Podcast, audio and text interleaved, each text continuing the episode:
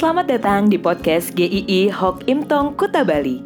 Penginjil Ray Reginaldi akan membagikan renungan harian singkat untuk membawa Anda mengenal dan menyembah Tuhan Yesus, bertumbuh dan menjadi murid Kristus, serta berdampak untuk banyak orang.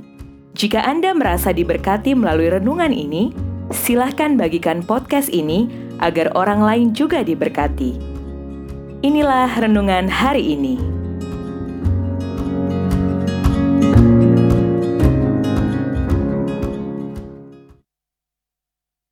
Cinta paling besar.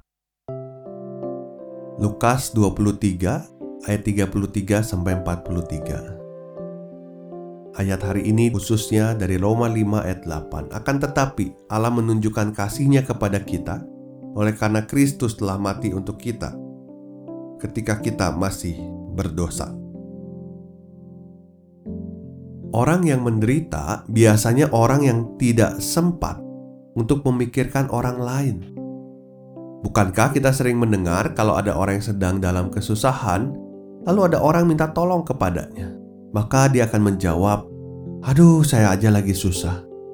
Saya aja lagi banyak masalah. Sorry ya nggak bisa bantu."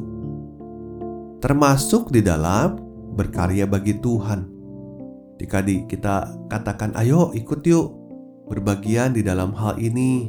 Ayo bantu pelayanan. Aduh, lagi banyak masalah. Saya nggak bisa lah mikirin pekerjaan Tuhan. Saya nggak pelayanan dulu lah. Saudara-saudara, di saat-saat sulit, kita memang akan menghadapi banyak hal yang rasanya begitu berat. Tetapi kita masih bisa tetap berkarya untuk Tuhan, sekalipun itu tidak mudah. Tuhan Yesus melakukannya ketika Dia tergantung juga di kayu salib. Salib adalah hukuman yang begitu mengerikan karena harus merasakan penderitaan dalam jangka waktu yang cukup panjang.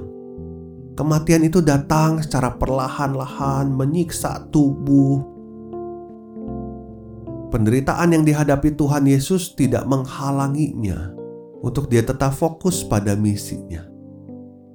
Kisah ini dengan jelas mencatat bahwa dua orang yang ada di sebelahnya adalah penjahat. Para kriminal yang memang layak untuk dihukum. Dan salah satu dari penjahat itu pun sadar akan hal tersebut. Maka cocok kalau mereka dicap sebagai penjahat juga cocok ketika mereka mendapatkan ganjaran atas perbuatan mereka. Tetapi kasih yang sempurna dari Tuhan Yesus itu menjangkau penjahat ini. Orang yang belum punya kesempatan untuk membuktikan atau menunjukkan dirinya ada perubahan, untuk dia berbuat baik terlebih dahulu. Kasih yang tidak mengharapkan ekspektasi, bukan kasih bertimbal balik. Karena kamu baik, aku baik, tetapi sekalipun kamu jahat, aku pun tetap baik. Itulah kasih Tuhan Yesus kepada penjahat itu. Saudara, kira-kira bagaimana nada Tuhan Yesus berbicara kepada penjahat yang di sebelahnya yang mengakui dia sebagai Tuhan? Kalau kita baca di dalam Alkitab, mungkin nadanya ya biasa saja. Hari ini juga engkau ada bersama-sama dengan aku di Firdaus. Coba Anda pikirkan lagi. Saat itu dia sedang di kayu salib tangan kakinya terpaku. Sangat sakit rasanya. Tubuhnya yang tidak memakai baju itu ada di atas, berdempetan, bergesekan dengan kayu kasar. Nafasnya tersengal-sengal. Kalau saya membayangkan dia berkata kepada penjahat itu, "Hari ini juga." Engkau ada bersama-sama dengan aku di Firdaus. Dengan nafas yang berat berjuang berbicara dengan sisa-sisa kekuatannya. Nadanya begitu lirih.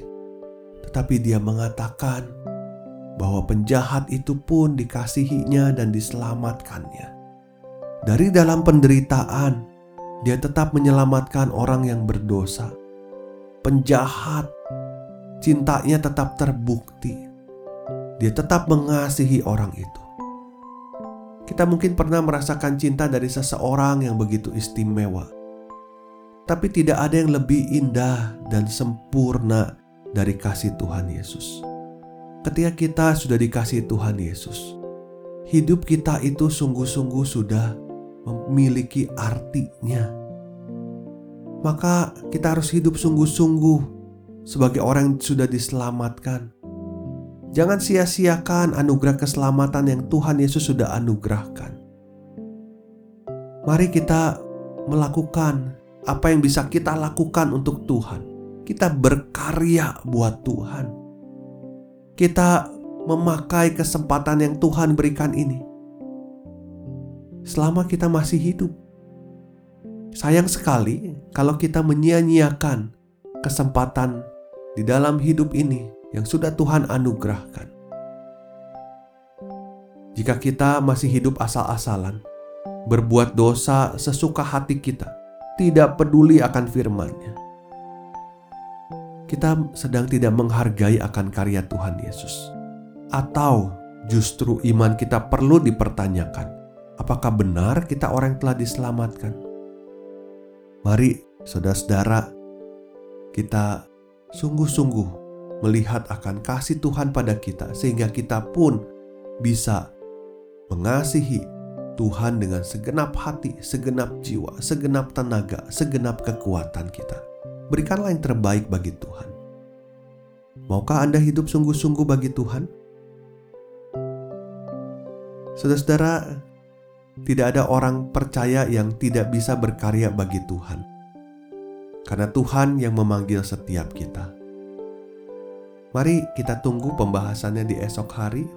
Apa yang Tuhan inginkan untuk kita lakukan, kiranya Tuhan memberkati.